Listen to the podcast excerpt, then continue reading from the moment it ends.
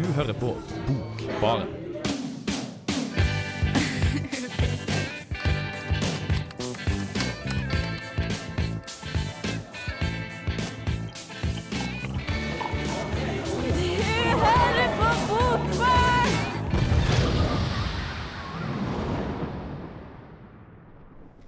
Hei, hei, og velkommen til Bokbarn. Jeg, mitt navn er Johannes Tesse Mystad, og i dag så har jeg med meg i Bokbarn-studio Siri og Snorre. Hallo. Hei. Men den oppmerksomme Bokbarn-lytteren tenker kan- kanskje hvem er Siri og Snorre? Jo, de er nemlig ny her sesongen her. Så velkommen til dere. Takk for det. Takk. Det tror jeg blir veldig bra. Kanskje vi kan, tenkte vi kunne åpne med å kanskje snakke litt om eh, dere, holdt jeg på å si. Om oss, ja. Um, Hvem, hvem er dere for noen, og hva Vanskelig spørsmål der, Johannes. Men uh, jeg kan begynne med meg, kanskje. Ja. Snorre Kirkebø, 22 år fra Bergen. Jeg er veldig dårlig på å introdusere meg selv, men er jo naturligvis glad i litteratur. syns det går bra? OK, tusen takk. Ja. Du har Eh, glad i litteratur, ja. Hva, har du, hva er noe av det beste, eller noe av det som har gjort eh, stor, stort inntrykk på deg, som du har lest? nei, som jeg nevnte sist gang, så er det jo veldig typisk at jeg nevner Dag Solstad. Men Dag det, den stilen treffer meg veldig. Har du noen favorittbok? T-Singer, kanskje. ja, OK. Muligens. Mm, hva med deg, Siri? Nei, jeg heter jo Siri Auland Bredesen. Eh, 60 år, fra Solør. Eh, jeg er eh, litteraturstudent til vanlig. Så eh, jeg prøver jo å gjøre på en måte den lidenskapen for litteraturen til en jobb, da, Ja, eh, du- med tida. Du er bokbarns eh, vitenskapelige, og, eller litteraturvitenskapelige alibi. Ja, ja, her. Mens ja. jeg og Snorre står her og synser om alt mulig rart, så skal du sette oss på plass. Jeg skal Er arrestere det, det. ja. er det greit? Mm. Ja. Bra. Eh, ja, Solør. Det er på uh, Finnskogen, er det? Ja, Åsnes Finnskogen. Svenskegrensa. Ja. Kjempekult. Yes, så velkommen til Bokbaren. I dag så skal vi snakke om skurker, banditter, nifsetyper, kall det hva du vil. Neida, vi skal snakke om eh, litteratur som krysser de her grensene litt mellom eh, Altså, ja, loven kan du si, da. Altså, når går uh, litteraturen over til å være kriminell? Altså, kan den dømmes for det? Ja. Og vi har noen eksempler. Vi skal snakke om en eh, dansk poet som du har lest litt av, Siri. Ja, Yahya Hassan, som er i eh, trøbbel om dagen. Ja, han er tiltalt for en, drøss med lovbrudd, var det? Han har vel blitt dømt òg? Ja, han har blitt dømt, ja. Ja. Mm. Ja, sånn 34 lovbrudd, var det? Han har tilstått 34, men eh, han var i rettssak med 35. Ja. Det var vel skytingen som dømte han. Ja. arrest. Men det må, vi må ikke foregripe Vi må ikke foregripe, men det er en ganske rocka type. Og vi skal snakke, også, og snakke om uh, Jens Bjørneboe, som du har lyst til, Snorre. Ja. Og vi skal snakke om uh, gode, gamle Knut Hamsun. Men nå først åpner vi med et kultband som heter Hey Wait, med låta 'Restless Days'.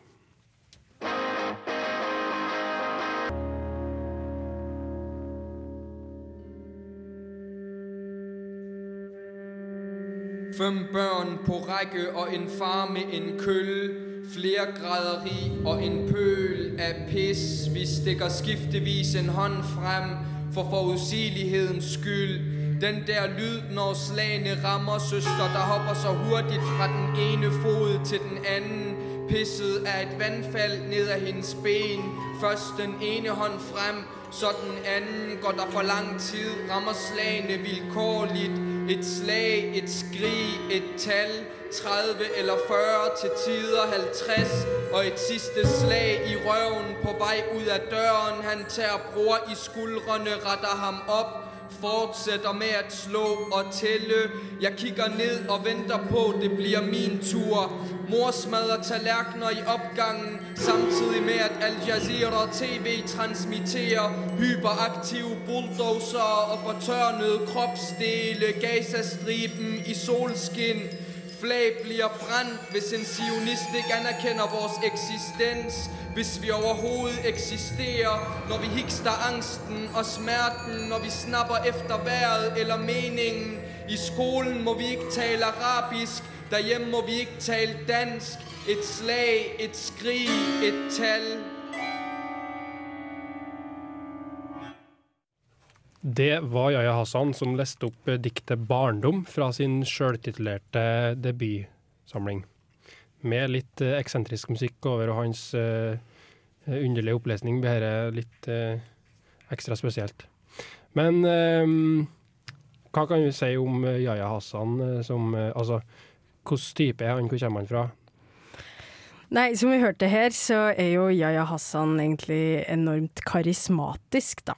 Eh, men eh, den skjærtitulerte diktsamlinga kom ut i 2013, da Yahya Hassan var eh, 18 år. Mm. Eh, jeg tenker på det som du sa, at han er karismatisk. Eh, eh, altså, Det kan vi kanskje snakke mer om senere, men eh, gir det, er han på en måte sånn at han eh, spiller på det her? Tror du at han har litt sånn eh, Altså, han har bakgrunn fra Palestina, er det? Og innvandrer?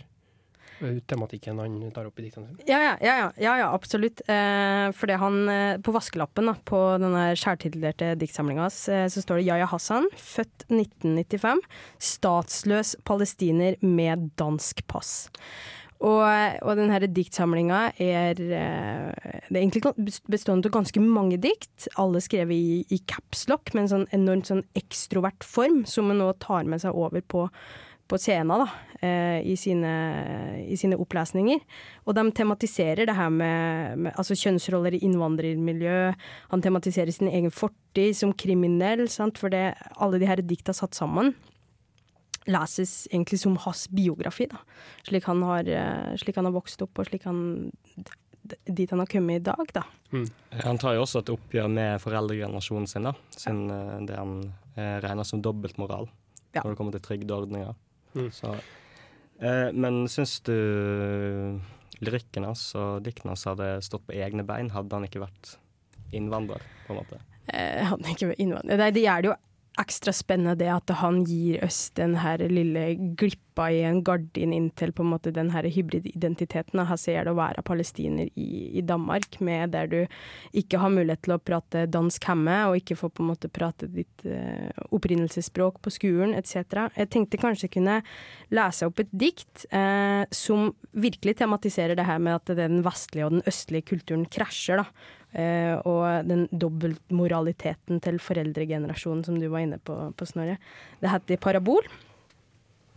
Jeg har, eh, jeg har med meg den norske oversettelsen, altså det har jeg blitt gående på norsk og ikke dansk. Kanskje heldigvis for alle, alle lyttere der ute. Vi hadde ingen danske kanaler. Vi hadde Al Jazeera, vi hadde Al Arabia. Vi hadde ingen planer, for Allah hadde planer for oss. I den hellige måneden tok far meg med i moskeen. Hver kveld etter maten ba vi. Vi ba til vi ikke kunne stå på beina. Vi ba og ba, og jeg fikk en cola og en KitKat. Han ble en annen i moskeen, gudfryktig og kjærlig. Jeg satt mellom beina hans, lente meg mot overkroppen hans. Det var der, mens imamen forkynte, at han kanskje kysset meg. Da vi kjørte hjem, falt jeg ut av bilen. Jeg trodde han skulle parkere, men jeg åpnet døra i en eh, U-sving. Um, og det du hører her, er at det han eh, Han må bli med i moskeen, eh, men han får en belønning, eh, og det er jo da Coca-Cola og KitKat. På en måte to sånne store vestlige imperier, da. Mm. Altså, tenker at Det er mye som er aktuelt med han, eh, med han forfatteren. her, Både det at han inngår i den selvbiografiske trenden med å- skrive sitt eget liv i poesiform, da, som mange norske å gjør. Men òg det da, som du var nettopp inne på nå, Siri, det her, at det blir et slags oppgjør da, med altså en, i den islamske religionen, som kanskje de ikke har hatt uh, ennå. Det holder på å skje i Norge nå, tror jeg, med bl.a. en del unge eh, muslimske kvinner som eh, debatterer i avisene og, og tar eh, ja, tar, rett og slett tar et oppgjør, da. Men det er kanskje noe som trengs òg i, eh, i den kulturen, virker det som. Ja. Kanskje derfor det får sånn sprengkraft, tenker jeg. Ja, det er akkurat det. For det, du, som du hører på det her, eh, det er jo ikke noe Det er ikke typisk lyrikk i den forstand. Altså det er egentlig så er det bare på en måte setninger, påstander med, med linjeskift, som beskriver eh, Hassans hverdag, da. Det er jo ikke noe poetiske bilder eller virkemidler i særlig grad som gjør det her til, til Eller stereotypisk lyrikk, da. Nei, jeg tenker at i, altså, i en del eh, i vestlig lyrikk, hvis man kan ha lov å si det, altså med, da tenker jeg folk som ikke kommer fra eh, innvandrermiljø, enten du er norsk eller svensk. da. Så Mye av lyrikken blir da, for å på en måte finne sin egen form, da, så er de nødt til å skrive jævlig rare ting. da, sant? Modernistisk lyrikk. Det er jo nesten uforståelig for de fleste. Men jeg tenker mye av lyrikken handler jo om måte, å karve ut sin egen plass, da, og finne noe aktuelt og noe du kan måte, ha som ditt eget. da. Så på en måte sånn, det er jo på en måte kanskje litt lettvint for Yahya Hassan, som er akkurat denne spesielle, spesielle situasjonen. Men i og med at han er, den, er i den, så er det jo så klart griper han det han har, sant? Det er jo smart. Det er veldig smart, og formmessig så syns jeg det er spennende, da. For det er så ekstrovert som det er. Mm. Vi skal prate litt mer om Yahya Hassan etter en låt. Vi hører Misty Coast med 'Funny World'. Hei, hei. Eh, Dette er Vigdis Hjort. Jeg liker navnet på denne radiokanalen, Radio Revolt. Hør på magasinet Bokbarn. Det å sitte på bar og lese bok, det er ikke det verste. Yahya Hassan er jo altså da en da, ung dansk eh, lyriker som hadde debutert med ei sjøltitulert eh, diktsamling i fjor, var det vel? 2013. To, oi, det er såpass lenge siden. Så der eh, røk jeg rett utpå. Ja. 2013, da, sjø. Ja. Men, eh, men eh, utover det så har han jo fått en del oppmerksomhet for eh, at han har kommet litt på kant med loven og, og har uttalt seg veldig krast til media og sånt. Er det noen som har noe peiling på hva det var for noe han var tiltalt for? Det var mye rart, var ikke det? Ja, men, Det var vel 34 lovbrudd. ja, men jeg har litt grann lyst til at vi skal få med litt bakgrunnsinformasjon, for Ja. hvordan det her lovbruddet angivelig skal ha funnet sted. da. For det, eh, når han ga ut denne her, så fikk det Altså, den skapte skikkelig skikkelig ringvirkninger. Og han har jo, som vi hørte tidligere i sendinga, en veldig sånn karismatisk måte å legge fram på, så han gjorde mye opplesninger. Eh, og de her opplesningene eh, var han, han mottok enormt mye drapstrusler fordi han var så på en måte ærlig om det innvandrermiljøet han sjøl var en del av. da. Altså det, det, det skapte ringvirkninger og, og reaksjoner før i hele tatt noe av det her andre. Skjedde, ja. Ja. Det her var i etterkant av, av bokutgivelsen, så det skjedde i mars 2016 nå, etter at han har mottatt eh, mange drapstrusler og har måttet blitt geleida til politiet, vel, rundt omkring på de her opplesningene om at han valgte å utstyre seg med en ladd pistol. Han ble jo overfalt, han har blitt overfalt i mange år, så det er jo selvfølgelig et naturlig paranoid aspekt ved dette. da. Ja. Uh, han sto vel på jeg vet ikke om det var i Norge der han hadde på seg skuddsikker vest. Ja. han fremførte. Så han har jo blitt utsatt for trusler og overgrep, så det er jo naturlig at han velger å lade seg med pistol, syns jeg i hvert fall. Ja. Men et av de lovbruddene var jo det var jo forsøk på å skyte en fyr, var ikke det? var det hardeste, var ikke det? Jo, han har eh, skutt en 17-åring i foten. Eh, I sjælforsvar, da. I selvforsvar, sjæl. Han ja. skjøt aldri for å skade, han skal ha skutt tre skudd i bakken da, for, å, for å gi en advarsel, og så det ene traff foten. da. Og han ble heller ikke dømt for drapsforsøk, da. Så Men han, så da jo men han har jo blitt dømt, og det er jo det som på en måte gjør Hassan aktuell nå, for nå sitter han i fengsel. Han har fått vel ett år og ni måneder, pluss at han har blitt fratatt førerkortet, blitt fratatt eh, ja, bilen sin, motorsykkelen sin, for selvsagt har han en motorsykkel, og må betale enorme bøter da, eh, for, det han, eh, for det han har Han har jo rett og slett tilstått de her forbrytelsene òg, da. Det er det skuddet. Så er det øvrig litt vold, litt øltyveri, eh, og en del sånne trafikkforseelser, da.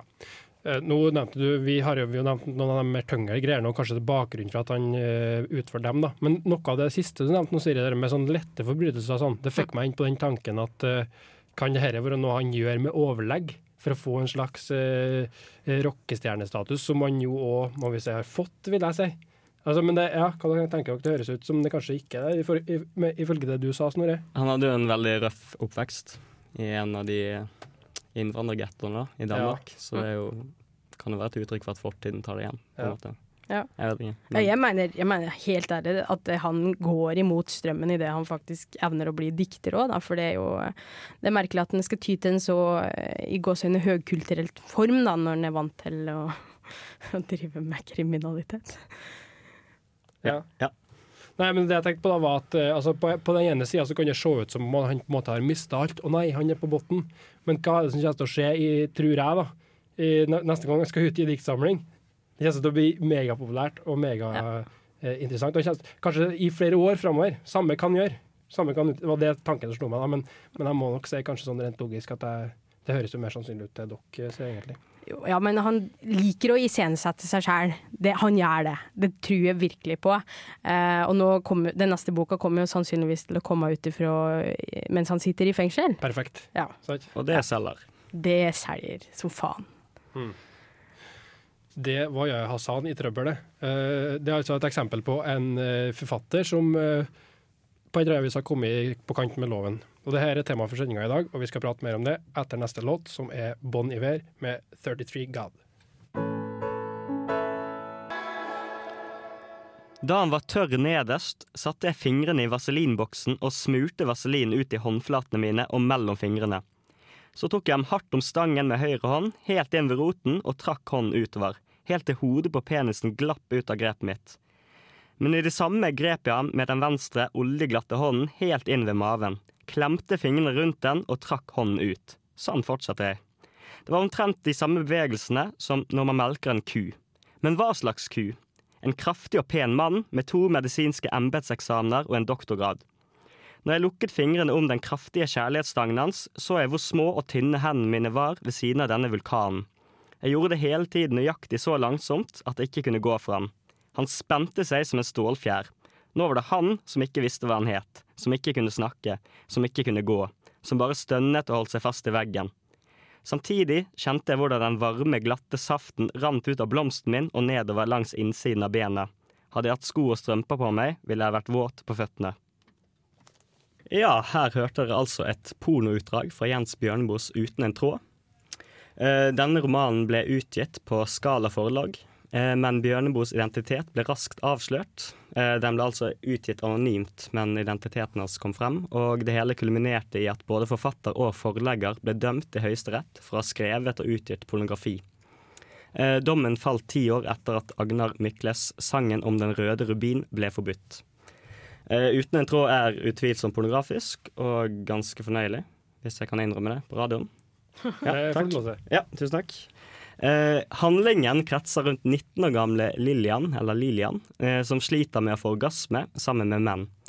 Eh, hun oppsøker derfor en såkalt orgasmelege ved navn dr. Petersson, og gjennom måneder med daglig behandling, som består av alt fra bruk av klyster eh, til innsåpning av nevnte dr. Petersson, så blir altså Lillian til slutt kurert for sin blyghet og gjort klar for nye eventyr rundt omkring i Europa som en fri kvinne uten skam og seksuelle hemninger. Eh, Denne dr. Petersson fungerer som talerør for Bjørneboes egen progressive tanke da, rundt eh, seksualmoralen på den tiden. Eh, Og legen uttaler ved en anledning at denne spesifikke seksualmoralen ikke eksisterer, og at den moralen som gjelder for andre områder i livet, også skal gjelde innen det seksuelle. Han vil frigjøre Lillian fra tidligere generasjoners skambelagte og kristenmoralistiske perspektiv på sex. Eh, Og en ung jente som ikke lenger ser sin mors dømmende blikk når hun deltar i en trekant, f.eks., eller de utallige andre seksuelle scenarioene eh, som Bjørneboe maler frem gjennom romanen. Eh, uten tror jeg er veldig svært satirisk og lett i formen. Og Bjørneboe uttalte selv i etterordet til romanen at en vesentlig motivasjon for å skrive den var en økonomisk gevinst. da. Men han forfekta også et perspektiv på kvinners seksualitet som var forut for sin tid. I Istedenfor en forsvarstale, eh, som han skrev eh, i etterordet, som er etterordet i romanen, så påpeker forfatteren at datidens mennesker lever i en verdensomfattende krisetid, og at den litteraturen som dysser oss i søvn og virker fordummende, er den virkelig umoralske og skadelige litteraturen. Eh, nedbrytende og destruktiv er all harmløs litteratur, som Bjørneboe sier. Eh, så Bjørneboes moralske målestokk på kunst og litteratur ble derfor formet som følgende spørsmål Er det idiotiserende eller ikke? Eh, Bjørneboe mener at han samtidig reduserer kvinner til blyge og underkastede individer eh, som ikke skal føle noe seksuell lyst selv. Han refererer til en bok med navn 'Prinsen av slavinnen'. Jeg vet ikke om noen har lest den? Jeg har ikke hørt om, faktisk. Mm eh, nei, men eh, som i motsetning til Uten en tråd eh, var i salg i norske bokhandlere på slutten av 60-tallet. Og handlingen i Prins og slavinnen foregår i en tid og en kultur der kvinner uten problemer kunne bli gjort til slaver og tvunget til å pare seg med bavianer. da. En sånn ritualsirkel med masse oh. Eh, og denne boken, da, 'Slavinnen og prinsen', eh, ble, for, for Bjørnboe et uttrykk for datidens filosofi. Eh, men selve, selve Uten et tråd den er veldig humoristisk i hovedsak. Den er full av overdrivelser, og han prøver å provosere der han kan provosere. på en måte. Ja, men hvis jeg tenker Min umiddelbare tanke da, eh, er jo at hvis han har skrevet det her eh, økonomisk gevinst, og mener at det her er på en måte den herre med fordummende litteraturen som åpenbart provoserer, eh, at det er eh, Det høres ut som, eh, som vi har tilsvarende ekvivalenter på TV i dag, da. For eksempel Paradise Hotel. Mm, han eh, nevnte det etterordet òg, at uh, Paradise. Ja, ja. eh, Det, ja eh, jeg tror det har blitt verre, da. Sånn sett, tror jeg. Men han nevnte også alle disse populariseringene og underholdningskulturen, da, som er veldig ødeleggende. Men det er artig, da. Altså, på en måte Uten en tråd har blitt stående som et uh, egentlig ålreit verk, og veldig sånn et av de mest sentrale verka i den sedelighetsdebatten da, på, på 60-tallet. Mens all annen form for i gåseøyne kiosklitteratur Mm. er uh, lavkulturelt.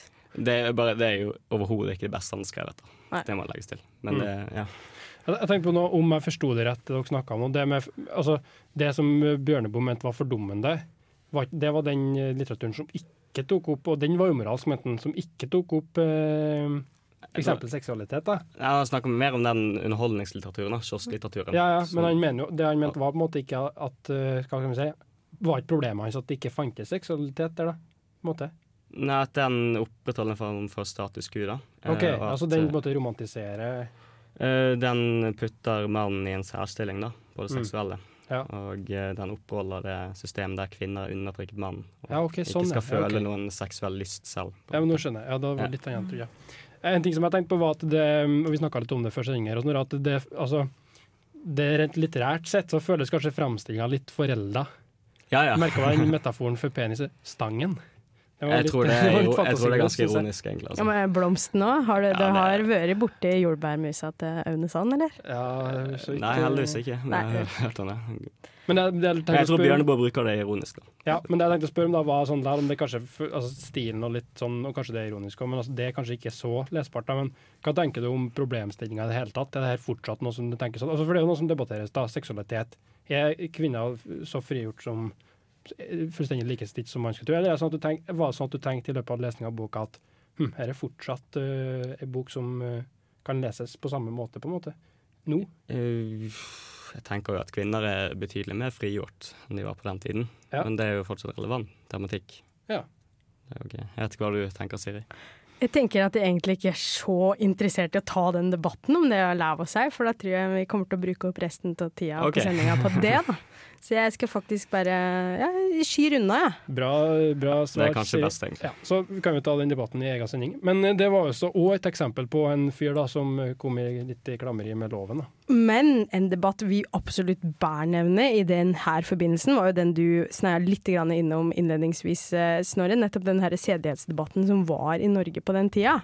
For det har gjennomgående blitt debattert hver gang noen prøver å på en måte eksplisitt, tematisere seksualitet.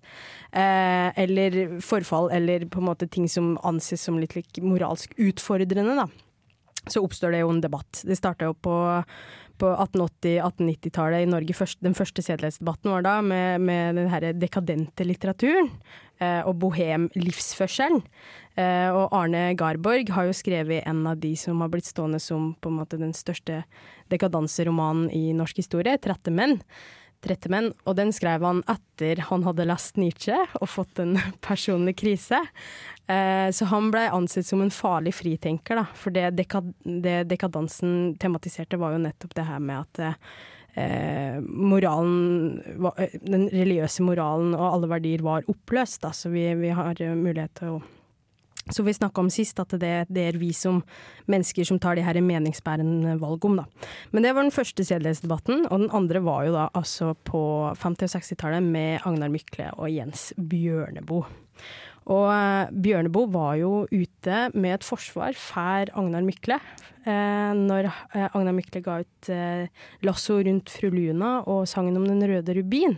For det dem eh, Eller først så kritiserte Bjørneboe Mykle for det han har skrevet eh, brukt en del biografiske detaljer som har gjort at en del av karakterene var lette å gjenkjenne. Da. De var basert på faktiske folk, og de, de her faktiske folka hadde jo da fått eh, altså utlagt en del av sin seksualitet da, i, i litterær form. Eh, så, men Bjørneboe applauderte jo selvsagt innholdet, det seksuelle, men han syntes det var problematisk at eh, de biografiske detaljene så enkelt kunne spores tilbake til, til faktiske enkeltmennesker. da.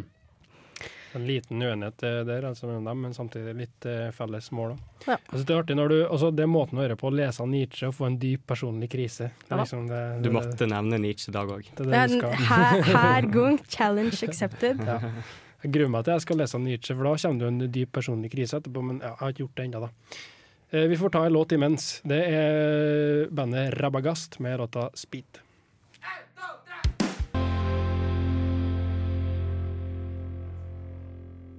Det finnes en slags symmetri i Hamsuns forfatterskap mellom hans første og siste bok. Både Sult fra 1890 og På gjengrodde stier fra 1949 handler om en mann som er manisk opptatt av skriving, og som befinner seg på utsida av samfunnet. Forskjellen mellom de to bøkene er at hovedpersonen i Sult er ung og har tida framom seg, mens På gjengrodde stier er jeg-personen gammel og har tida bak seg. Han har allerede vært på toppen, men han har falt. På gjengrodde stier handler om Hamsuns opplevelser av tida rundt Landsvik-oppgjøret fra 1945 til 48. Hamsun forteller i jeg-form om sine opplevelser. Dette gjør boka til en blanding av en sjølbiografisk fremstilling og korte prosafortellinger fra Hamsun sitt liv. Det sjølbiografiske er kjent historisk stoff, f.eks. fra rettssaken mot han, mens man ikke helt veit om fortellingene og anekdotene fra livet er sannferdige eller ikke. Hamsun forteller om stort og smått som han opplever i hverdagen. Turer i skogen med fuglesang, samtaler med pleierne på gamlehjemmet der han er tvangsinnlagt, gamle utgåtte sko eller nyinnkjøpte skolisser. Dette var ei drepende kjedelig tid for den gamle dikteren, og han blir dermed tvunget til å fylle det lille han opplever, med mening. Og nettopp her ligger noe av det mest kontroversielle ved boka. Den gamle Hamsun fremstiller seg sjøl som en livsglad og munter person, helt uten anger eller bitterhet. Hamsun gjengir rettsreferatet av sin egen forsvarstale, uten å omskrive det fra sitt saklig ulitterære språk. Her forklarer han hvorfor han mener han ikke har noe anger på. Han ville ganske enkelt tale Norges sak, sånn at vårt land skulle få en framtredende plass i Hitlers storgermanske rike.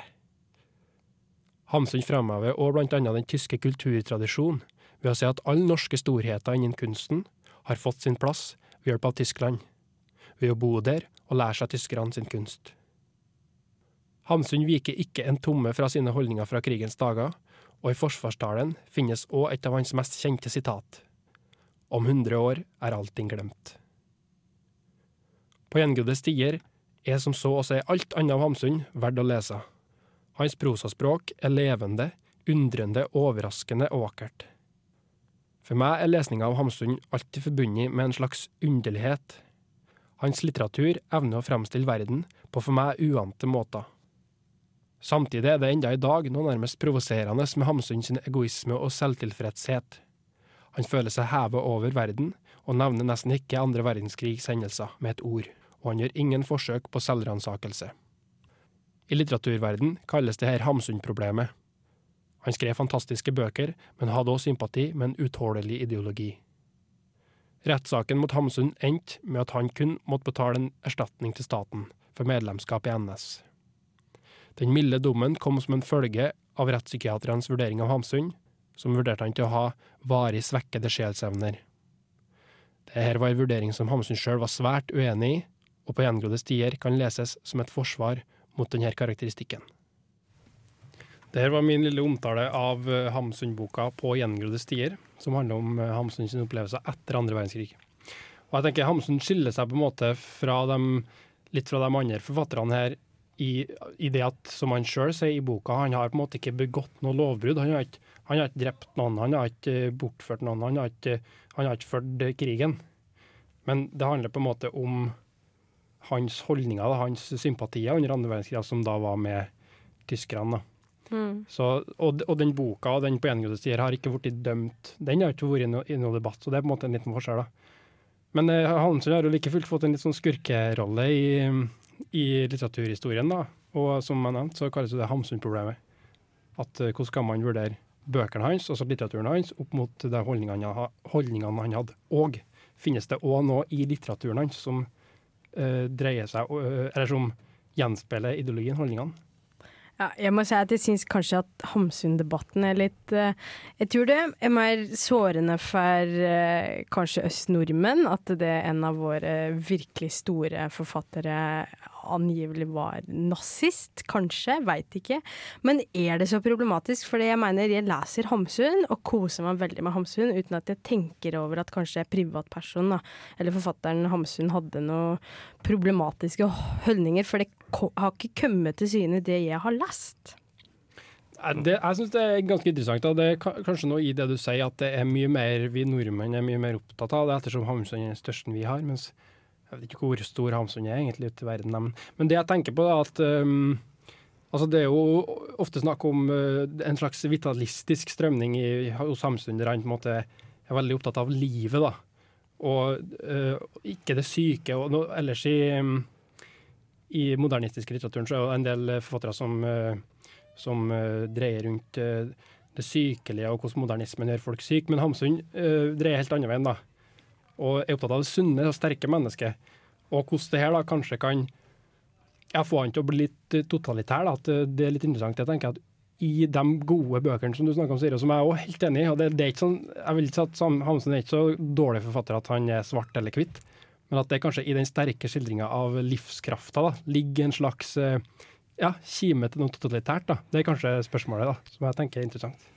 Ja. Eh, ja, for jeg tenker det er en åpenbar parallell der, for jeg tror du har litt rett i det. Og hvis vi tenker, hvis jeg igjen har fått lov til å nevne Nietzsche, eh, så ble jo Så. Nietzsche, stakkars Nietzsche, mis, eh, misbrukt av vel sin egen søster, for Nietzsche var jo litt eh, ustabil i psyken han òg, Uh, så han jo ble jo òg misbrukt. Uh, hans filosofi blei på en måte ja, nazipropaganda. da rett og slett. Og, og, det, og Nietzsche har samme, det samme fokuset på liksom det sterke, det friske mennesket, da, og, og spiller opp det eh, som en motsetning til, til det sjuke. Så de har jo på en måte visse likheter. Eh. Ja.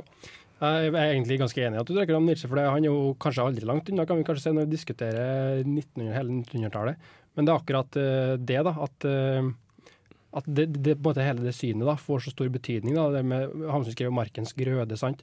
Og Mange har jo trukket veldig fram da, at ble, den ble veldig populær i Tyskland, og nesten som en sånn slags eh, eh, Hva heter det? Altså et, eh, en egen skrift for eh, den fascistiske bevegelsen der. da. At de liksom så på det som eh, tilbake til naturen og tilbake til ja, sunne mennesker som greier seg sjøl. Ja, men det var jo Han koblet jo ikke det til nazismen, da. Hamsun? Nei, i forfatterskapet. Det var jo han som ble koblet til det av andre instanser. På en måte. Er det galt? Ja, det er det, det jeg tenker er spørsmålet, da. Altså, ja.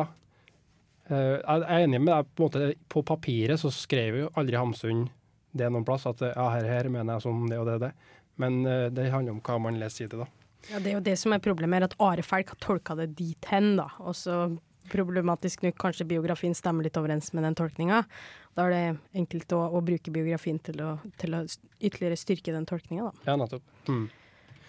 Så det var jo litt om Hamsun og hans uh, skurkestreker, da. Mm.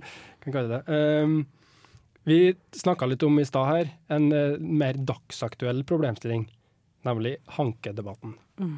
Som dreier seg om eh, Peter Hanke, østerriksk Hva var det du sa, Snorre? Ja. Østerriksk forfatter, hvis det heter det. Østerriksk. Østerriksk, OK. Som uh, har skrevet en del bøker som Ja, vi diskuterte òg hva handler de egentlig om, de her bøkene? Som uh, har vakt sånn debatt. Nei, altså det er vel eh, primært dramatikk. Han har skrevet Ja, drama. det er ingen drama. fascistiske elementer i det. Nei. Så det ja. Det, ja. Ja, ikke i den Nei, så, som du sier, det er jo dramatikk, men det som det er bøker som er debattert, det er mer sånne Hva skal man si? Ikke faktabøker, men det er reiseskildringer, så vidt jeg har skjønt, fra Balkanområdet.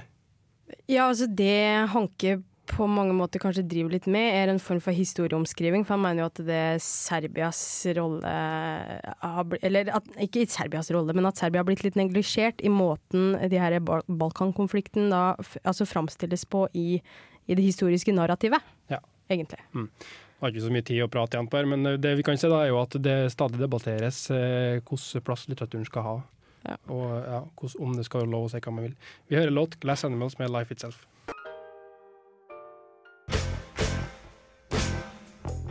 Jepp, dette er Frode Grøtten. Eh, Lytt på Bokbaren på Radio Revolt. Ta deg en eh, god. Det var Frode Grytne, som jeg og du, Siri, var hørt eh, tidligere i helga her, på Ugressfestivalen. Ja, det var helt nydelig. Kjempekult. I dag så har vi drevet og snakka om litteratur som krysser grenser mellom eh, ja, hva skal man si, moral og umoral, lov og Ja, men ikke bare litteratur nå, men, men nettopp forfattere. Da. Det, er det, det er det vi har sett eh, Hamsun, kanskje nazist, har det noe å si for litteraturen hans. Eh, Bjørneboe, sedelighetsdebatten på 60-tallet. Han eh, eksplisitt pornografi Ja. sprenger normer. Og så til slutt da har vi bare innom ja, Yahya Hassan, da, som er i, i trøbbel om dagen, og dømt for å skute noen i foten, rett og slett. Jeg Hassan, utgangspunkt før debatten. Og det var litt uh, ulike meninger i studiet her mellom oss òg om hva, hvordan skillet mellom eh, politikk og litteratur skal gå hen. Er Er ikke enig, Snorre? Jo. Så kanskje vi skal snakke Antagelig så kommer det mer uh, om noe sånn type tematikk eh, utover høsten. Ja. Vi er ferdige for i dag, og vi hører sjølveste Nick Drake med 'Day Is Done'. Ha det bra. Ha det.